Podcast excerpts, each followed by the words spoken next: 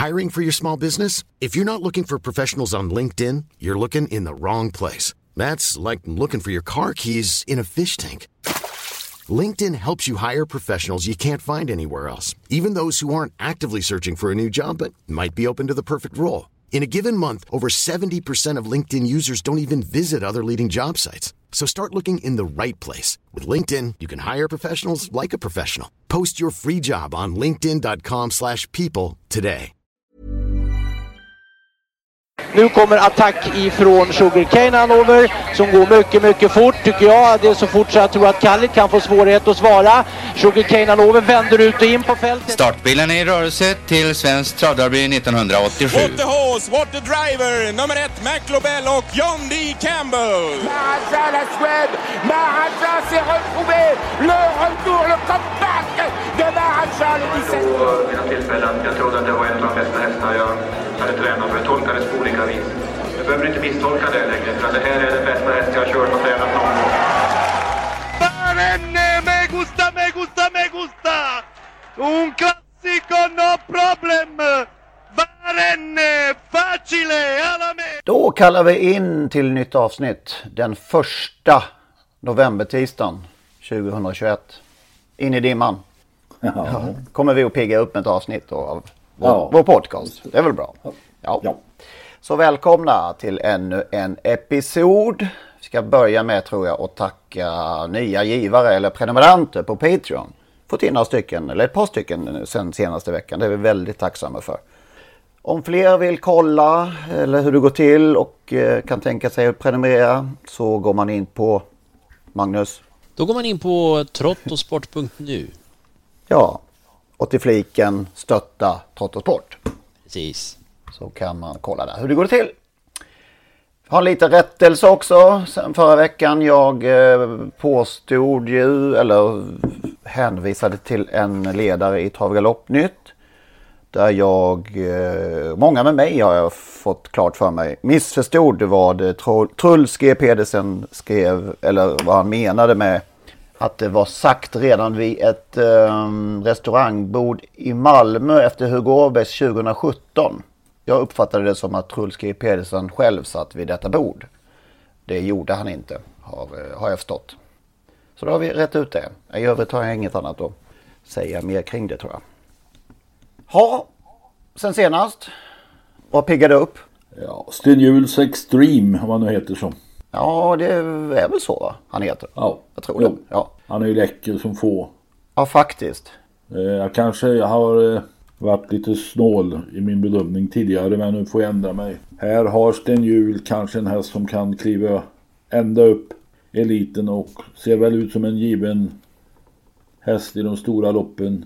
Får vi danskt i Elitloppet äntligen? Riktigt danskt. Eh, sista söndagen i maj nästa år.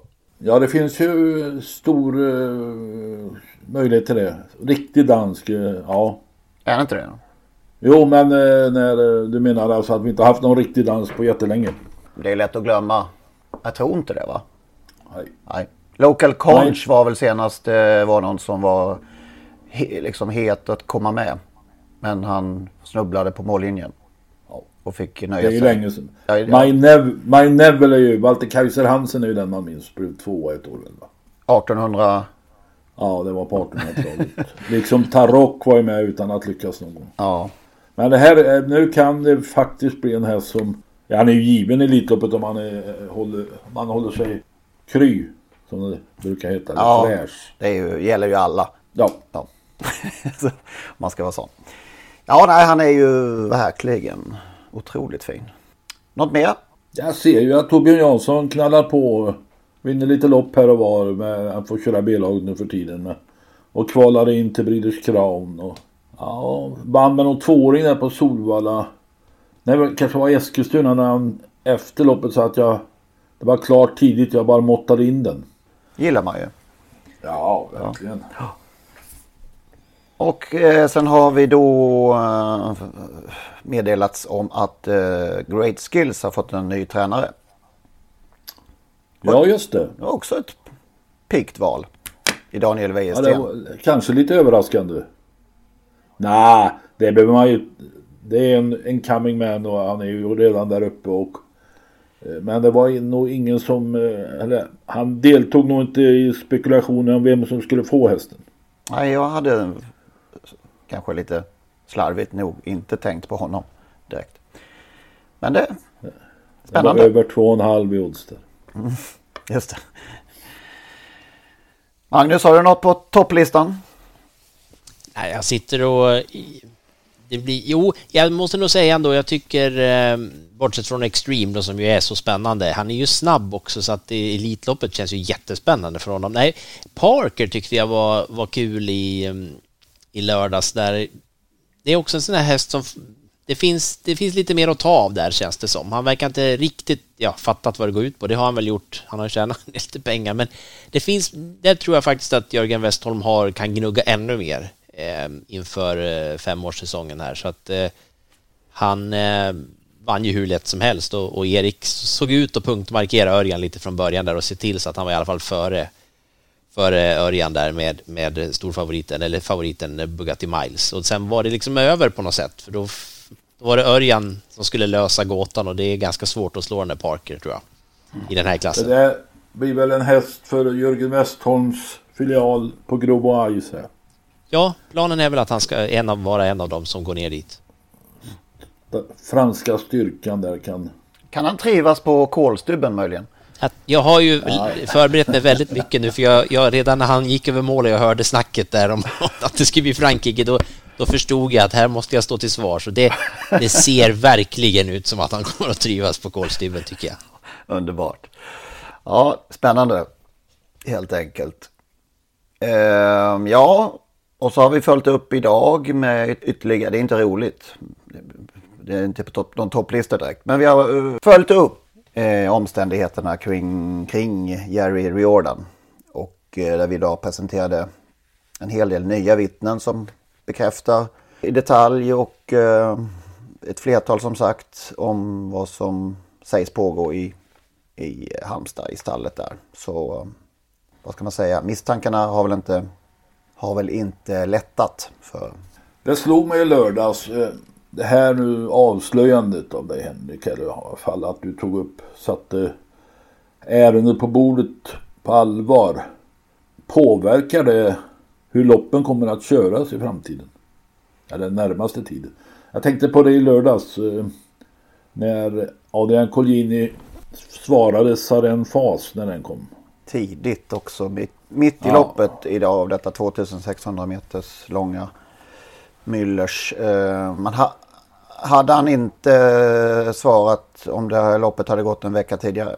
Ja, det vet man ju inte, men den frågan tycker jag man kan ställa sig.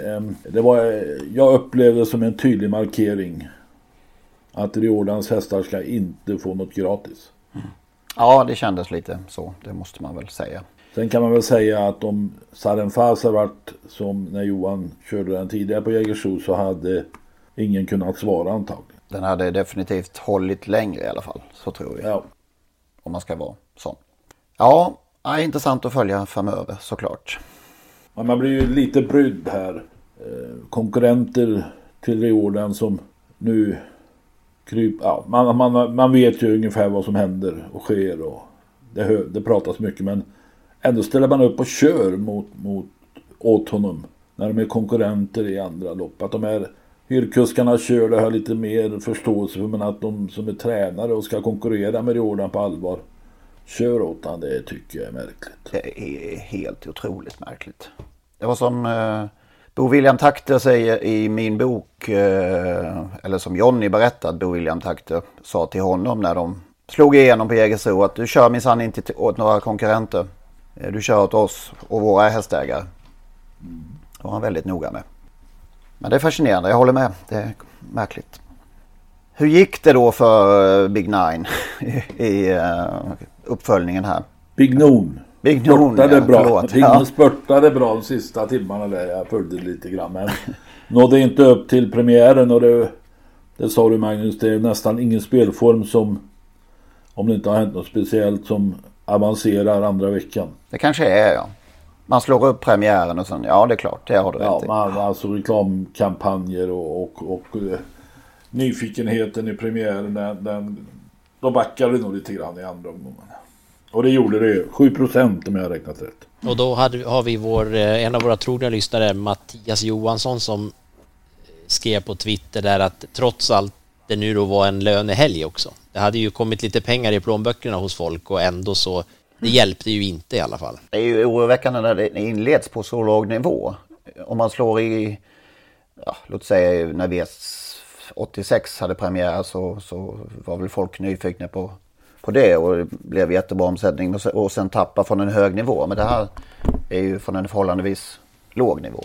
Så. Ja, nej jag tänkte ja. precis som, exakt så. Ja, det är precis som du säger. Det, det, är precis, vi har ju vant oss vid det, de här eh, travspelformerna som ATG lanserade i alla fall förr om åren. Nu vet jag inte, har de lanserat så mycket nytt på, på senare år, men då var det ju verkligen så. Eh, trummor och, och, pukor och all, eller trumpeter heter det och så blev det jättehög omsättning och så pratade man alltid om, ja, och så kommer det väl att ramla ner en, så ramlar det väl ner då 20-30 procent, men det blir ju ändå, och så vi, tyckte man ändå att det var bra.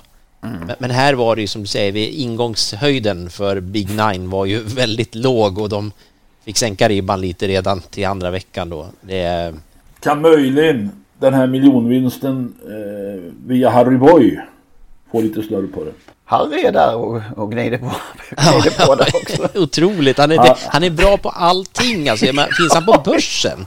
Kan man köpa en Harry Boy på börsen också? Ja, just det. Så här pensionsfonderna. Ja, det hade ju varit det, hade varit, det vill man ju ha på Harry faktiskt. Jag som aldrig ens tittar. Jag, usch, för, då blir det inte ATP utan då blir det ATG. Just det. Tittar du Henrik, de går upp hela tiden så du kan nog titta någon gång då och då. Är det, gör, gör de det? Ja. Oh. Alla menar du? Nej, det vill jag inte säga. Inte mina. Jag tror inte på min. Ja. De flesta. Ja. Ja, vi får väl se hur det går vidare.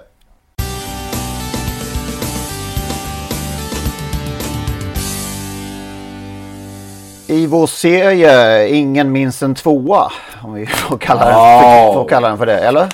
Nej, nej, ja. Två år vi minns va? Snarare ja, kanske, men, men äh, ingen, min, min... ingen minns en tvåa men vi gör den. Så kan vi ja, kalla den. så är det. Ja. Minnesvärda två år heter det hos oss. Ja.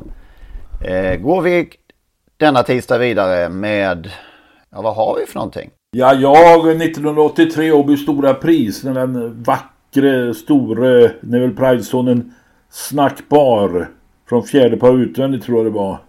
Såg klar ut. Bernt Lindstedt satte sig sådär elegant till rätta som bara Bernt kan göra. Och så gick det så här, kan vi lyssna? Ja. Längst ut attackerar Snackbar. Här kommer de in på upploppet. Veijo Heiskanen ser sig om, leder alltså med Keystone Patriot. Eon Tank kan inte vara med. Så kommer då Ideal du Gasol, så kommer Snackbar. Se så kraftigt han kommer. Så bra det går. Och längst ut kommer Legolas. Hästen som ingen har trott. Och titta vad fort han går. Och det räcker dessutom till seger. Legolas vinner. 14 och 6 före Snackbar samma tid. Trea i... Och så kom ju den där. ja, från ingenstans. Han har gömt han hela loppet. Han, Legolas kom ju till Åby efter att fått stryk. Det var väl mot Speedboot där på Dannero. När han flögs dit och eh, Legolas alltså och åkte dit.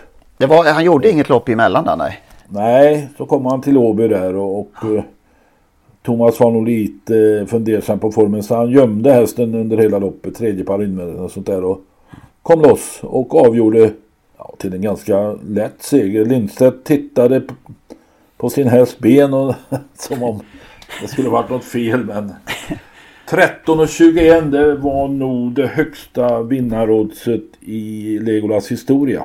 Det kan det nog ha varit ja faktiskt. 35 segrar mm. och en av de största. Men jag minns ändå Snackbar som en eh, vacker häst och ja, det var en liten tung förlust tror jag för den gode osten. Mm.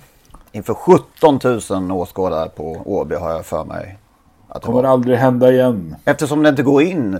Kommer aldrig, det går inte att plocka in. Det går ju inte. Men eh, oavsett anledning så blir det svårt. Snackbar som, alltså, som såg så vacker ut och den här storleken. Han blev aldrig någon riktigt hit i aveln faktiskt. Market leader i och för sig men sen var det Lenson Bar nog den som har sprungit in näst mest pengar. Var det, minns du någon särskild seger för honom? Det var li, lite före mm, vår tid Magnus va? Ja, jag kan inte säga att jag minns någon särskild seger. Nej. Så du minns Peter- bara tvåan? Nej men jag tror Peter Ahl körde honom själv på Solvalla en gång i ett amatörlopp och han var inte så lätt eh, den där kraken. Han var ju stark och inte alldeles enkel att köra. Men jag tror till och med han vann. Peter Ahl ägaren. Mm. Stall Kappahl. Yes. Vet ni att eh, nästan i denna minut, nej det var nog lite tidigare på eftermiddagen gick, men det, vi spelar in nu måndag eftermiddag kväll och eh, för 20 år sedan prick vann eh, Scarlet Knight, Orse Magnelli i Milano. Och det känns som vi sitter och väntar på målfotoresultatet fortfarande. Ja, lite så och eh, väntar på att eh, Oskar Schindler SL ska ropas ut som vinnare. Ja, det var ganska givet. Det, det, det är den märkligaste målgången man nästan sett. Att jag var helt säker. Jag var där på plats dessutom och eh, det var mitt första så här utlandsuppdrag för travronden. Och man var ju inte jättenöjd att Oskar Kindle SL skulle knäppa skalet på linjen. Det var ju inte därför man åkte dit så att säga. Ehm, så det var en stor, stor lättnad när, när Scarlet Knight ändå utropades till segrare. Men det minns jag väl Oskar Kindle SL som tvåa. Ja, verkligen. Eller är det nörd tvåa? Ingen... Nej, det var en, det var en, alltså, att få stryk på målfoto mot Scarlet Knight. Det, ja, om man nu fick stryk, det vet vi ju knappt. Just det. det var sista året dessutom där, där första priset eh, var i lire. På en sån sak. 289 miljoner 800 000 lire var segern värd. Så, så Melander sitter på stora buntar av liresedlar hemma i... Ja, exakt. i- Sen i- 2002 då så gick de över till euro. Har vi något mer? Ja, vi ska ta den där tycker jag. Tvåan. Piscore kanske inte var en minnesvärd tvåa men det var en tvåa där. I ett skede. När Stig hade tappat Piscore till Torbjörn Jansson och hade vunnit två, två segrar för Torbjörn tror jag. Och var väl spelat 1.30 och sånt där i en gulddivisionsfinal på Solvalla. Och åkte dit. Kan det vara den mest Mot- kända tvåan till och med? Ja, det tror jag faktiskt. November 1991. Alltså det var ju...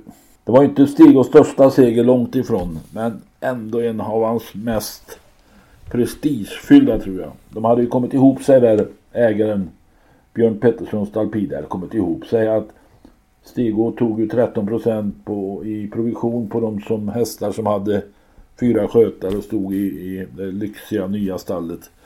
Men Pettersson ville bara betala 10.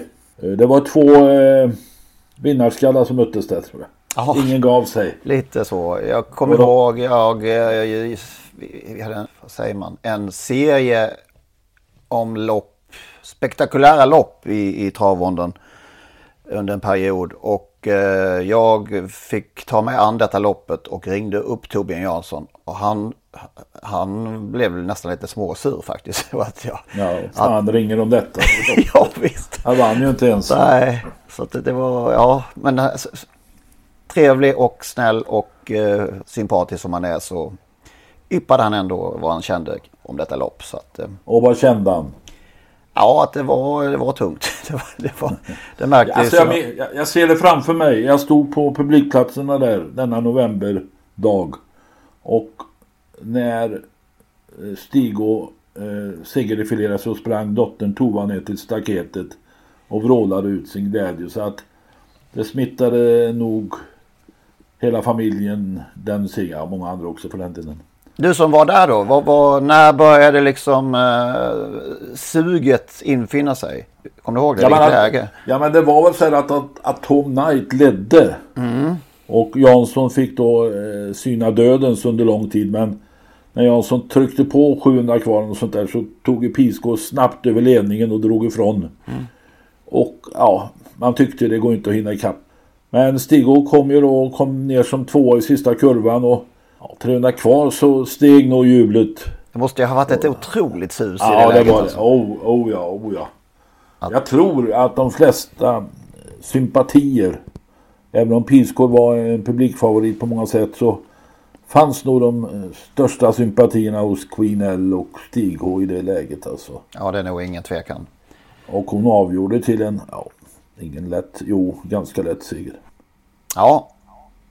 Nu är tvåornas tid förbi för detta program. Maila gärna in eh, två vi minns till podcast.trottosport.gmail.com Ska vi också själva försöka hitta, komma på fler minnesvärda tvåor. Det finns hur många som helst om vi letar. Ja.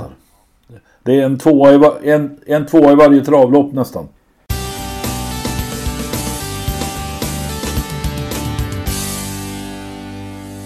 Ägarna till Ecuridé köpte för andra gången vad är det, in sig för dyra pengar i ett insats eller ett, vad ska vi kalla det för?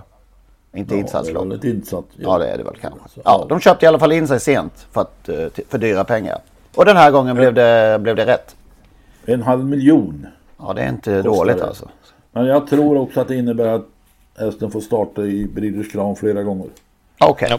Jo, nej, så är det ju. Åke Svanstedt sa ju det eh, innan där att eh, jag hörde honom på, på eftermiddagen där i en intervju på ATG Live att de skulle ju... Han tyckte inte det var så konstigt för de skulle ju ha fått betala det här nästa år. Om, om de inte betalar det nu så hade de fått betala det nästa år för att få vara med. Så det, det var väl ungefär lika bra att betala. Och då i och med att hästen var så fin i, i första starten så provade de ju även i år då. En halv miljon som blev runt 2,8 det är alltså en halv miljon på en, vad blir det, sexåtsare knappt då eller? Mm. Eh, det går ju bort lite till Svanstedt förstås. Men eh, ah, han var ju helt överlägsen. Ja, som ni, som, sa, ni som är lite pålästa, vad, vad mötte han? ingenting. Va?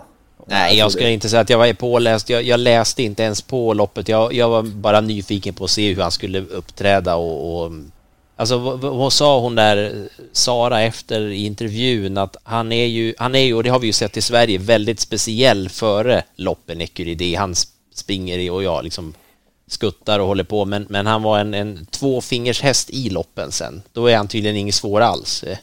Och det, det har man ju svårt att tro nästan, men det, han skötte sig ju lugnt och fint och Åker körde ju svenskt nästan ju. Han spets och sen tog han ju upp och fick köra jättesakta en bit och sådär så att... Nej, då tvingas, eller han släppte ledningen också.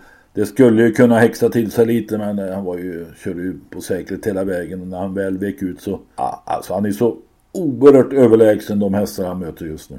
Ja, verkligen. Jag ska säga, jag blandar ihop med Felicity Shagwell när jag sa att han tog upp, det var ju Felicity Shagwell som han, han körde så, men nej, här släppte han. Nej, det är ju fantastiskt, han är ju helt överlägsen som du säger. Det är ju...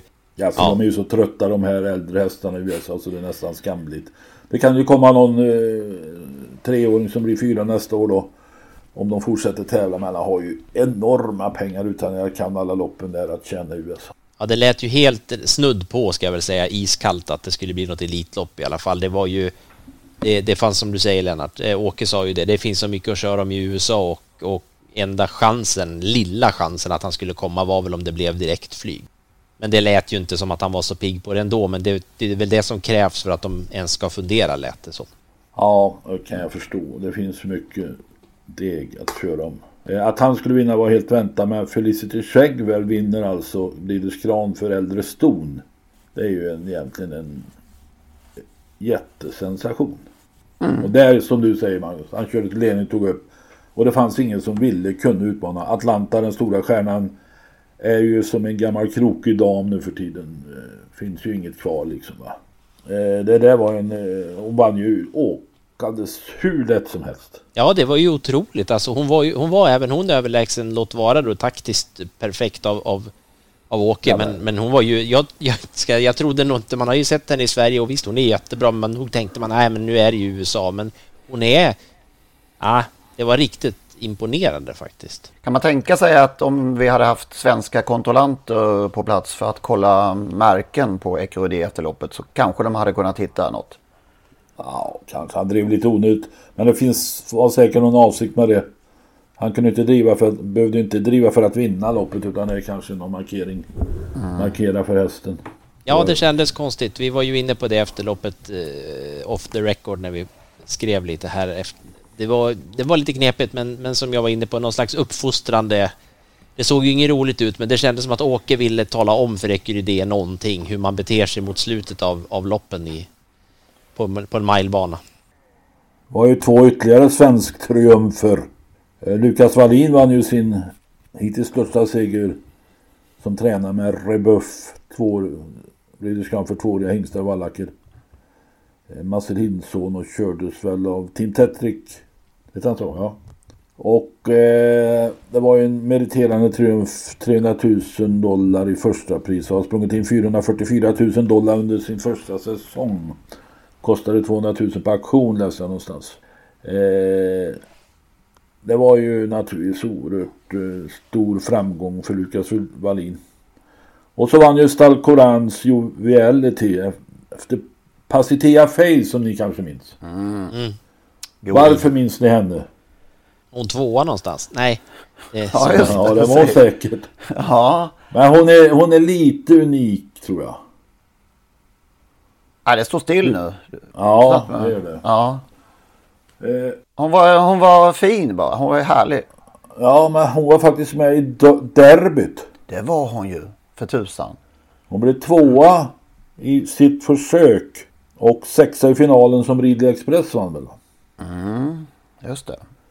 Så att eh, hon var, började sin karriär då hos Ludvig Collini men flyttades till USA då senare.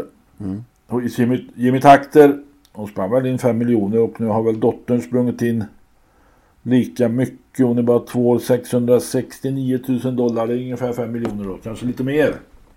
Det duger. Det duger. Och hon hade ett dåligt spår och han, ja, hon gjorde det. En spurtade oerhört och avgjorde precis på mållinjen.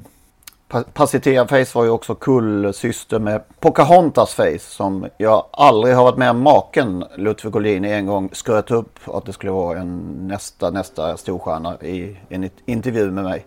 Eh, hon vann aldrig lopp. Pacitea Nej. gick, var mycket, blev mycket bättre. Så kan det gå. Svårt med Ja. Jag vet inte om ni noterade det i...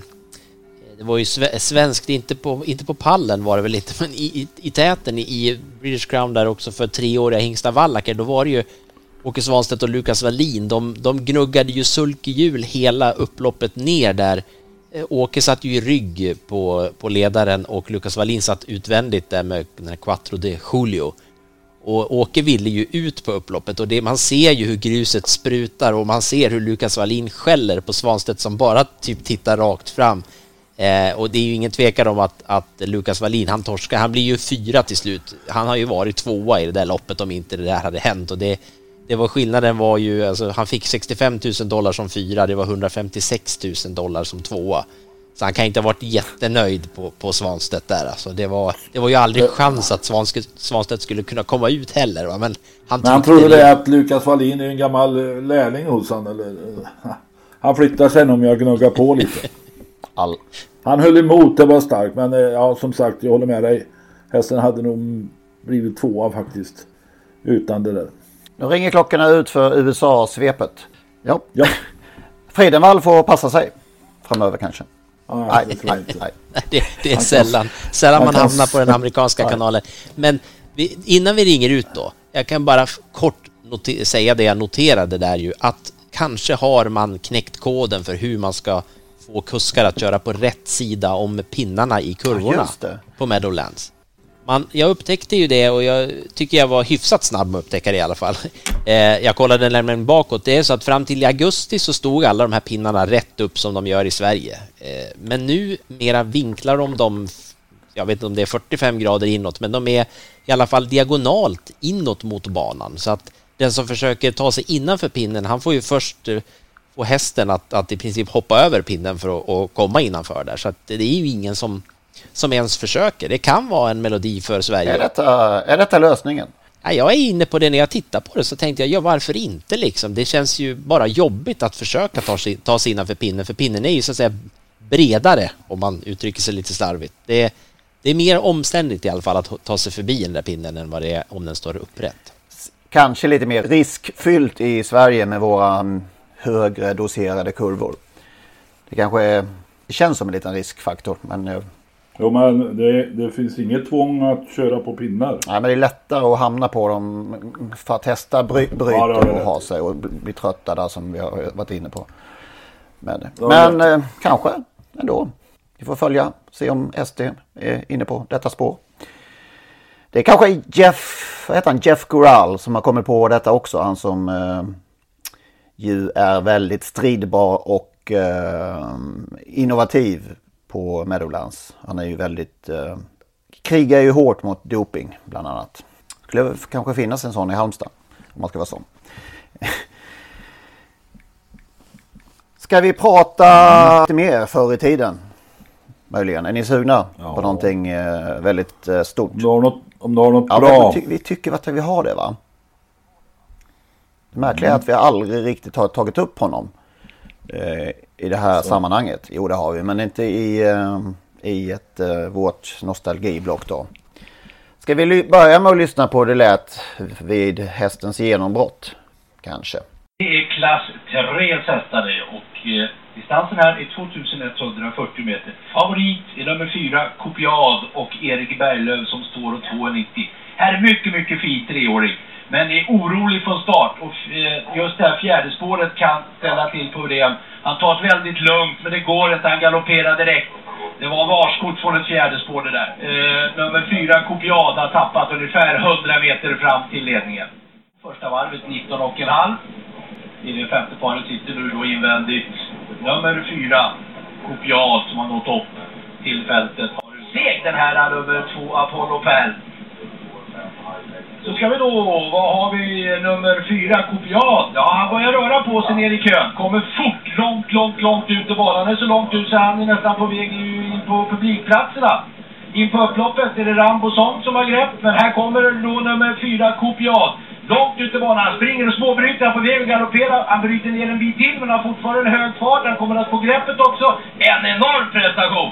Nummer fyra, Kopial och Erik Berglöf vinner loppet lätt. Trots att han har lagt bort en kanske en 100 meter. Sista varvet travaret efter 1.16. Ja. Det är inte många hästar som vinner med 100 meters galopp i... eh, Ja, men det där, jag, jag, jag minns det. Jag minns det tydligt. Det var V65 och jag hade spikat kopiad. Och fjärde spår man var ju lite inne på. Så svor man vid och förbannade sig förmodligen. Men han hoppade från start och ställde sig och hoppade igen tror jag det var. va. Ja, det var helt omöjligt. Han deltog inte i ur, ur loppet. bild. Ja. Även när, fast det bara fanns en, det fanns bara en kamera på den tiden. Men, men han var ändå aldrig i bild. Nej, var- Så dök han upp bara. Var ute i alltså, kiosk. Ja, de brukar prata om korvkiosker som inte finns. Jag läste någonstans att, att på Vincennes där att, att, att eller jag hörde på något referat. Han rundar korvkiosken men den som hittar en korvkiosk på Vincennes kan höra av sig. Nej, Romme kanske står alltså han var ju längst ut, fjärde, femte, sjätte spår. Och, och inte bara vann, han vann ju hur lätt som helst. Och då förstod nog jag och många med mig att det här är nog en blivande stjärna. Man står pall efter det här loppet. För det var ju inte det var inte bara att han tappade 100, det var ju i november. På den tiden fick man inte starta treåringar i klass 3 var det på den tiden. Då, förrän eh, på hösten då. Och det var ju väl stenhård bana och men han var ju stenhård själv den där kusen. Ja, och sen man, tittar man alltså på, nu vann han alltså med 100 meter galopp och då tänker man, ah, men det var väl också, nu vet vi ju sen med facit i hand vad Kopiad var för häst naturligtvis, men man tänkte, ja, det kanske inte var så bra motstånd då, men tittar man hur det gick för de hästar som var med i det här loppet sen så, vi hörde ju flera namn här, men High Tech Lou till exempel, som sprang in nästan 3 miljoner, var fyra i derbyt eh, i rygg på Ina Skott där, eh, och vann bild på Kalle Gelsenkirchen 1995 var väl det. Och sen hörde vi Yankee Lou som också nästan sprang in 3 miljoner. Ja, just det. Lars Lindberg. Vann ju gulddivisionen flera gånger, var ju så att säga chanslös trots att eh, Kopiad gav handikapp där då. Eh, det fanns ju fler, för oss Domino hörde vi, eh, 870 000 tjänade han sen i under hela sin karriär. Eh, en häst som jag minns var den här Apollo Pal som ju var, nu, nu föll han ju ihop till slut där, men han, han tappade länge, han fick ju ett lite jobbigt lopp då där i ledningen, Apollo Pal, men han vann ett drygt år senare vann han eh, V75 på annandag jul på Solvalla. Han tjänade drygt halv miljon. Ehm, Nej men High Tech Low den platsade in bland minnesvärda två år efter det här. Ja, just det. Exakt. Ja, precis. Det är Verkligen. riktigt. Jag, jag var osäker på om han var två eller tre nämligen, så jag sa inte någonting. Om, jag sparade det till nu. Nej, men så var det ju. Han gjorde ju ett fantastiskt lopp han också. En sån där prestation man skulle ha kommit ihåg eh, om inte den där Kopiad hade varit med. Så att det är alldeles riktigt. Men vi, sen var det ju några till som kanske inte lyckades så, så jättebra där, men, men det finns en häst som, som nämns en gång av Bosse Blomqvist där och jag var inte säker på vad den hette heller så att jag fick leta lite, men den hette Finesse Jobaré. Eh, och han hade väl ingen fantastisk karriär. Han tjänade 91 000 innan han var färdig. Eh, och han var vallack. Men han var inte alltid vallack därför att han hade, upptäckte jag, han hade en avkomma. Så han blev hingst efter vallacktiden. Ja, precis. Så att man, och då kan man ana då kanske någonting här när man ser vad avkomman döptes till. Den döptes till Lilla Språnget. Ja. Det var väl någon tjuvbeteckning låter det som. Ja, precis. Och eh, Lilla Språnget sprang inte in en enda krona så att pappans 91 000 det var väl en, en, en fingervisning om vad som kanske, det var ingen avelskanon naturligtvis. Han fick, han fick en chans, det gick inte så bra, men, men det var mycket att, att hitta i historien i det här, i det här loppet. Inte bara Kopial. Om man lyssnar på referatet där Bosse Blomman så, så undrar man hur han stavar upp. Han säger upp. Upp till första tusen, eller? Ja, hästen kommer upp på utsidan och sånt där. Upp. Ja. Inte, vi får reservera oss på, grund, på, på tal om det, om att ljudet inte var det bästa, men det kunde vi nog stå ut med. I detta. Just det, men nu skulle vi inte prata om, om Lilla Språnget utan det var kopiat vi skulle prata om. Just vi, väljer, vi väljer mellan de två. Ja, men ska vi fortsätta med ett litet potpurri här av eh, segrar som kom senare i hästens karriär. Men invändigt nummer 10, Kopiad vinner V75-premiären! Kopiad som har den tredje längden till nummer 7, Sika. Ute på Amater Sandrex försöker ni just nu Lauko. Men allt är en lös. Blå nummer 3, Kopiad.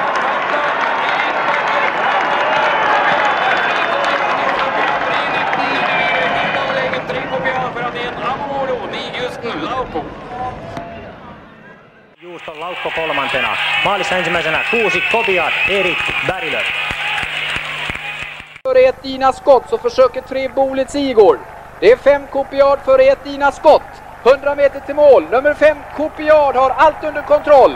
Det kommer att bli nummer fem Kopiad. Ed ecco Copiad con Eric Bergolf che aumenta la velocità e siamo all'arrivo. Nummer fyra Kopiad, långt före danske ett Don Rash. Snabbt fram sedan norske 6 Stjärnrax, längre ut även 5 Piccolo Diavolo. Nummer 4 Kopiad, före 6 Stjärnrax, 5 Piccolo Diavolo. Det blir svenskt i Nordiskt mästerskap genom 4 Kopiad och Erik Berglöf. Och är högt uppskruvat här när de ska ut på den sista bortre långsidan med nummer 3 Kopiad i ledningen. Nummer 4 Pine Chipper utvändigt. De lämnar de andra. De kommer här upp mot första tusen. Tre Copiad, fyra Pine Chip, sida vid sida strider de. Varvet är öppnat på en tio.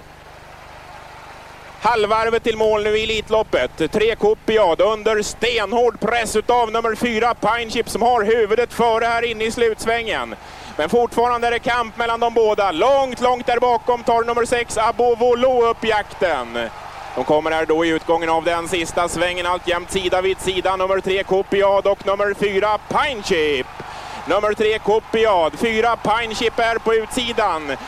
Enorm spänning här. Tre Kopiad, fyra Pineship. Kopiad har greppet mitt på upploppet, följd av nummer fyra Pineship. De båda strider här. Pineship galopperar. Och Elitloppsegen till Värmland, till Erik Berglöf, till Kopiad! De flesta där kanske var lite sådana som man inte riktigt eh, minns. Eh, det var segrar, i Italien, det var vad heter det? Finlandia Ajo och det var något i Tyskland tror jag. Eh, så det var lite av varje. Åby Stora och eh, såklart till slut tog vi med Elitloppssegern också 94. Nordiskt mästerskap också förresten. Då var man på plats på Valla som det kördes på då. Ja, det var en, som jag sa, stenhård krake det där. Så han stod pall för allt. Det känns som man var med i varenda storlopp som kördes under flera års tid. Eller? Det var inte så att man matchade där, man bara tog ett efter ett. Erik bara kör. Mm. Vad minns man allra bäst om man tar bort Elitloppssegrarna? Det är väl när han var tvåa bakom Sogen? inte? På tal om tvåa, ja just det. Nej, nej, det ska man inte säga så, men nej. Nej, men det, ja, Oslo det Grand. Prix i snöstorm. Var det det alltså? Just Han vann fler än en upplaga va? Ja, två år i rad. När man är ett år var det något alldeles bedrövligt jävla väder. Var då de, det var då de långsiktigt tänkte att här kan vi, här kan vi inte ligga i mitten på maj. Nå, Nej, någon gång ska vi, många- ska vi ändra det här. Det tog många år innan de ändrade det kan jag ju säga. Ja, du sa ju att du knappt hade hört Bosse Rydgens eh, referat i, i, i, från Elitloppet. Det är ofta Hanskes som figurerar. Men här, här tog vi Rydgen. Nej, precis. Jag kan inte komma ihåg att i sådana fall är det ju väldigt länge sedan och förmodligen bara en gång. Men, men, men jag kom inte all. Det var nästan så att jag tänkte att det var något fel. Ja. Att det, det där kan inte vara Nej. Elitloppet. Nej, jag har lyssnat på det många gånger för jag köpte årskrönikan från 1900 1994 på, på Valla. Så jag har hört, lyssnat på det många gånger. Nej, det, det är lite... De lämnar de andra. Och sen han tar om så snyggt. Han tar om så snyggt i sista Ja. sväng. Han, är, han är, gör en klassiker när det är på väg upp, upp, upp, upp, upp. Och sen går han Precis. ner och så börjar han. Så han har en, så att han inte ska tappa rösten Exakt. liksom. Ja, det, var, det är väldigt snyggt. slutet. Ja, ja många härliga minnen av Kopiad eh, såklart. Som ju, hörde vi också här ju, eh, vann det allra, allra första V75-loppet. Från eh, den tävling, tävlingsdagen som ju kördes på Jägersro i lördags. Det loppet är ju tyvärr borttaget, eh, V75 jubileumsloppet. Eller, om man ska, eller vad- det nu hette. Det kördes ju under många, under många år. Och sen vann han ju då Breeders Crown som körs till helgen. Så att det är mitt i här tänkte vi skulle funka fint med just kopiat. derbyt var han aldrig anmäld tror jag. Nej, det var väl så va, eller? Ja. Eh, Men Breeders Crown som sagt. Och nu är det dags för eh, finaler till helgen i Eskilstuna. De kör ju sitt dubbeltrav.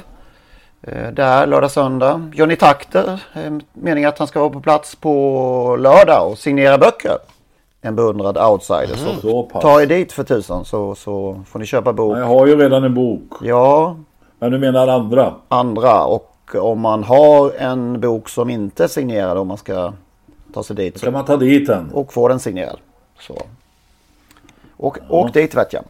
Ska du dit? Nej. Så Johnny, Johnny får signera själv? Ja, jag är, jag är ointressant i sammanhanget. Ska vi börja med, ska vi börja med finalerna?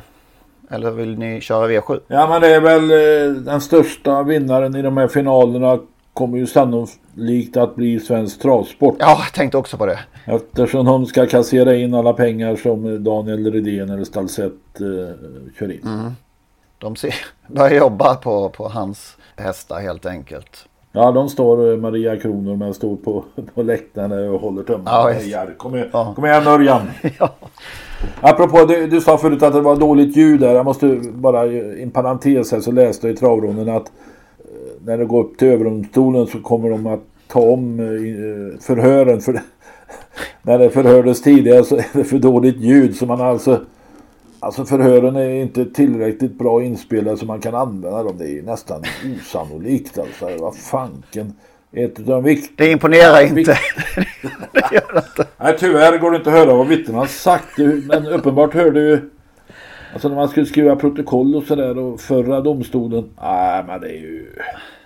Fan Ja, bandspel. men stä- stängda dörrar och undermålig ljudupptagning. Det är ju Ja, man kan ju inte göra... konspirationsteoretikerna, de har väl redan börjat skriva på en bok som signeras på Eskilstuna redan på lördag kanske. Nej, det är ju det är ofattbart. Hur kan så mycket bli så konstigt i det här? Det, det tar ju liksom aldrig slut. Ja, det är tar ju faktiskt en, aldrig en slut, härlig, alltså. vad säger man, det ringar in hela, hela, hela historien faktiskt på något sätt. Matt bara. Vad fan håller de på med? Ja, men då... eh, Ja, vilka vinner nu då förutom då... Vi- Redén lär väl vinna två. Vi tar för givet att Francesco Zet och eh, Honey Meros plockar hem dem varsina lopp där. Treåriga hingstar respektive fyraåriga ston då. Så vi har två lopp kvar då att lösa. Att lösa. Det intressanta var att när de eh, räknar ihop de här pengarna då som ska in så de har inte räknat bort de hästar från Stalsett som var bakom Propulsion i de här loppen. Det glöm, råkade de glömma bort. 1,8 miljoner. Så, så de är inte skyldiga så mycket som eh, SD har hävdat? Nej, det är ju minus 1,8 då. Ja. Ja. Ja, vad har vi kvar då? Vi har kvar alltså, eller tror vi på något annat? Magnus kanske har någonting, eh, 50 cent, cent piece eller någonting. Nej, det är svårt och det var som vi sa när vi, eh, efter vi pratade om, efter kvalen där att eh, det är ju det är en fråga om hur Hanimera ska förlora loppet. Det är ju inte att någon annan kan vinna, utan det är väl hur hon ska förlora loppet. Och i, bli... i övrigt så, så vet jag inte. Jag, jag är lite nyfiken ändå, måste jag säga, på... på ehm, och det blir ju ännu mer Redén då naturligtvis, Örjan, men det är ju den här Glamorous Rain i treåriga storfinalen där. Mm. När de valde det spår de gjorde. Jag tyckte de kuckelurade väldigt länge där innan de bestämde sig för, för och jag vet inte om de har någon idé om att de ska kunna svara ut Red Lady Express häst mot häst där och, och köra spets hela vägen. Jag vet inte om det är en sån luring på gång. En 800 till in för SD här alltså. Ja. På gång. Ja. Har du något drag här eh, Lennart? Nej, jag... Eh, Lara Bocco var väl konst, lite konstigt kört senast har ju varit, tycker jag, bland de bättre. Men det här Red Lady Express, i- alltså hon var ju ytterst nära att vinna det där Europaloppet på Åby och har bra läge. Nej, det blir nog svårt. Startsnabb. Och så har vi då till slut fyraåriga hingstar och Wallacker. Vem blir favorit? Är det Örnarsprinsen då eller? Ja, ja, ja. Måste han väl bli, va? Det, det, tänker jag ändå. Mm. Det, blir han inte favorit så tycker jag det är jättebra. För jag har svårt att se hur han ska kunna förlora också faktiskt. Det är det där sista storloppet för året, slitna kroppar. De kommer ju att falla väl av favoriterna. Det. Ja, så, ja det kan man kanske tro. Ja, vi får se. Det ryktas att ni har pigga idéer på lördagstävlingarna. Det ryktet är eh, riktigt. Ja. Ja, absolut. Ja, det kliar ju i fingrarna, även om vi har ju inte ens berört det än. Vi har inte sagt ett ord om det, men, men eh, Örjan Kihlströms styrning i lördags. Eh, jag kom, det, det naturligtvis, det var ett, eh, ett väldigt stort olycksfall i arbetet för herr Kihlström, men det kommer att dröja innan han sover så fullständigt som han gjorde där med vad heter det? Vad heter hästen nu? Jörgen Westholms häst? Digital Command eller något sånt där? Nej. Ja, du ser, jag har ju totalt förträngt vad, vad hästen hette på grund av, av det där. Nej, han är Digital Dominance Ja, så. såklart. Eh, där kom Nej, han var väl, Eh, han var väl chanslös i varje meter i loppet eller? Kunde han svara? Ja, men han kunde svara, alltså, om Örjan hade varit vaken hade han ju kunnat svara. Han satt ju och körde i 20 tempo när han hade kommit till spets där, så jag tittar på det ATG Labs. Han, han körde ju jättesakta när det var 800, ja, säg 900-800 meter kvar där. Det är klart att, att eh, Ljuse skickar och sen fick han ju eh, smak direkt på grejerna där och såg att det här kommer man i 10 fart. Örjan tittar ju inte bakåt. Han hade ju ingen koll. Han trodde väl inte att någon skulle komma. Nej.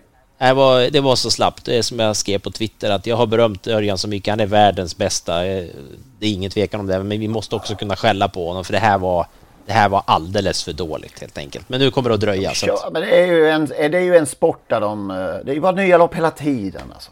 Det är klart att de, det kan ju inte gå att vara fokus, fokuserade varje lopp. Det går ju inte. 7000 segrar va? Ja, just det. Förra veckan. Ja, precis. Gubben i jag lådan. tycker vi kan hylla honom också. Det är inte det. Jag, nu skällde jag på honom, men egentligen ska vi hylla honom. Det är klart att det är så, men det går inte att gå förbi det där i lördags. Men annars är ju Örjan...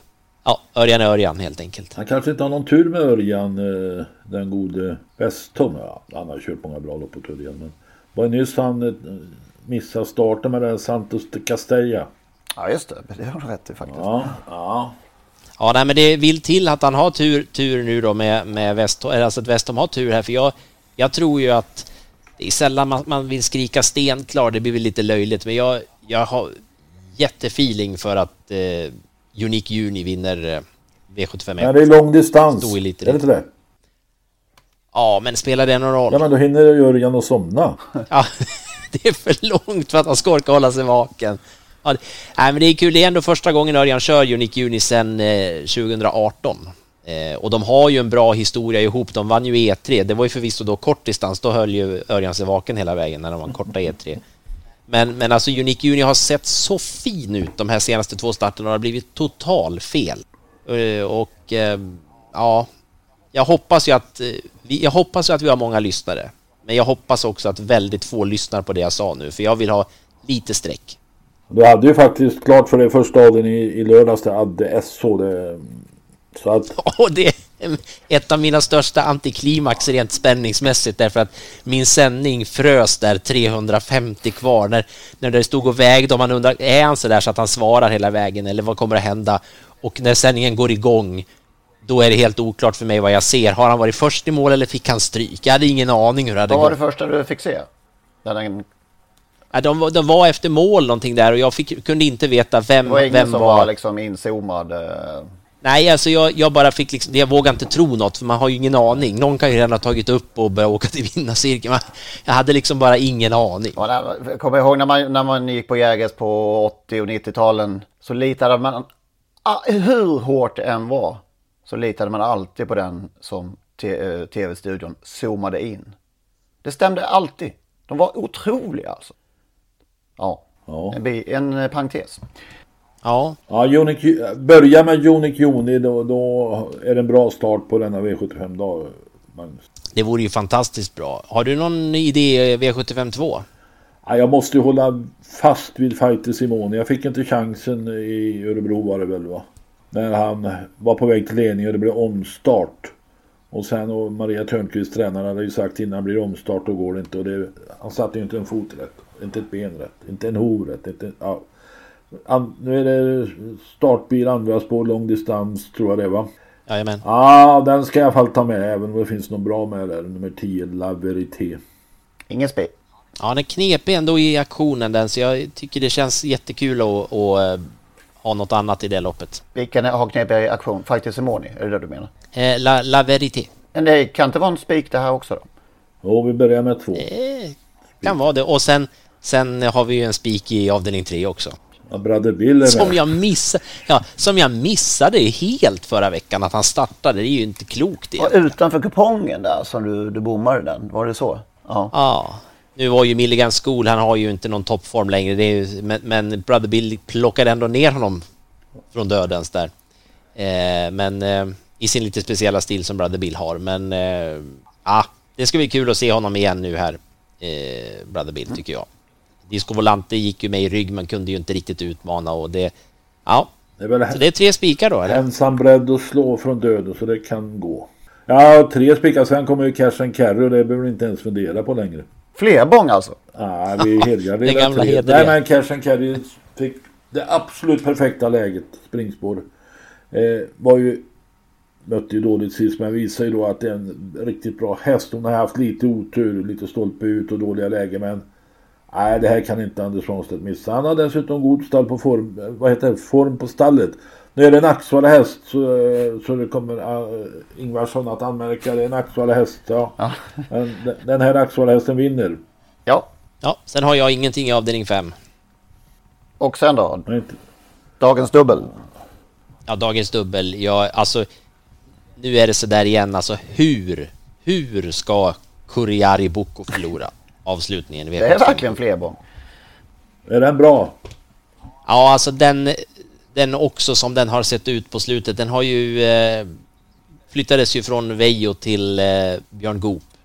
Och han har ju sett ut, ja, jag vet inte hur man ska beskriva det. Det här är ju en bra häst och han har väl inte riktigt fått ut det, i alla fall som jag tror, som, som, som Jag han har. tyckte Och- snarare att han var överskattad hos Veijo. Så att han ofta var uppe på sig. Jag tycker inte det är någon, eh, någon eh, Han var, vidare. var inte riktigt bra näst senast. Tre starter sen i så fall på... på... Ja, tre starter sen. Vad har hänt sen dess? Han satt ju fast med, med allt sparat senast och såg jättefin ut. Det är klart, sitta fast är, ingen, är ju liksom inte en prestation i sig, men, men han har ju sett oerhört bra ut. Jag, jag, ja, vi får se då, Henrik. Det, det, Eh, beror på kanske vad han är sträckad på. Men... Eh, Han har större chans om han har lite streck. Eh, alltså Ero- Erosola tror jag är mest på men den var ju, uppträdde ju knepigt i Örebro. ser ut som ett ganska bra klass eller bronsförsök det här. Den där Gogo Betsisu var ju dåligt gäng så jag imponerade ju. Den där Dwight Peters. Det är en duktig jäkel alltså. Mm. Att köra. Vad finns han nu? Jag tror han jobbar hos eh, Elving. Ja, okej. Om jag minns rätt. Han var väl hos Berg förut. Just det. Yes. Något annat i veckan som, som har ni kollat in någonting? nej, i övrigt så laddar jag. Jag laddar för lördag. Det låter onekligen så. Och sen eh, tar ni er till dit ja, till Eskilstuna och eh, handlar böcker tycker jag. Jag tar med mig boken som jag redan har och så ber jag Jonny skriva den i så fall. Ja. Nej, jag ska till Grebbestads IFK Skövde Fotboll på lördag. Då så. Hörs vi om en vecka igen va? Ja. Det gör vi. Ha det bra. Ja, bra. Hej, hej. Hej, hej. Hej då. Fyra Pinechip. Kopiad har greppet mitt på upploppet, följd av nummer fyra Pinechip. De båda strider här, Pinechip galopperar. Och Elitloppsegen till Värmland, till Erik Berglöf, till Kopiad! Bättre häst än dig, det har vi aldrig haft. För du har både mod och styrka och kraft. Och därför står vi nu i rad efter rad och hyllar våran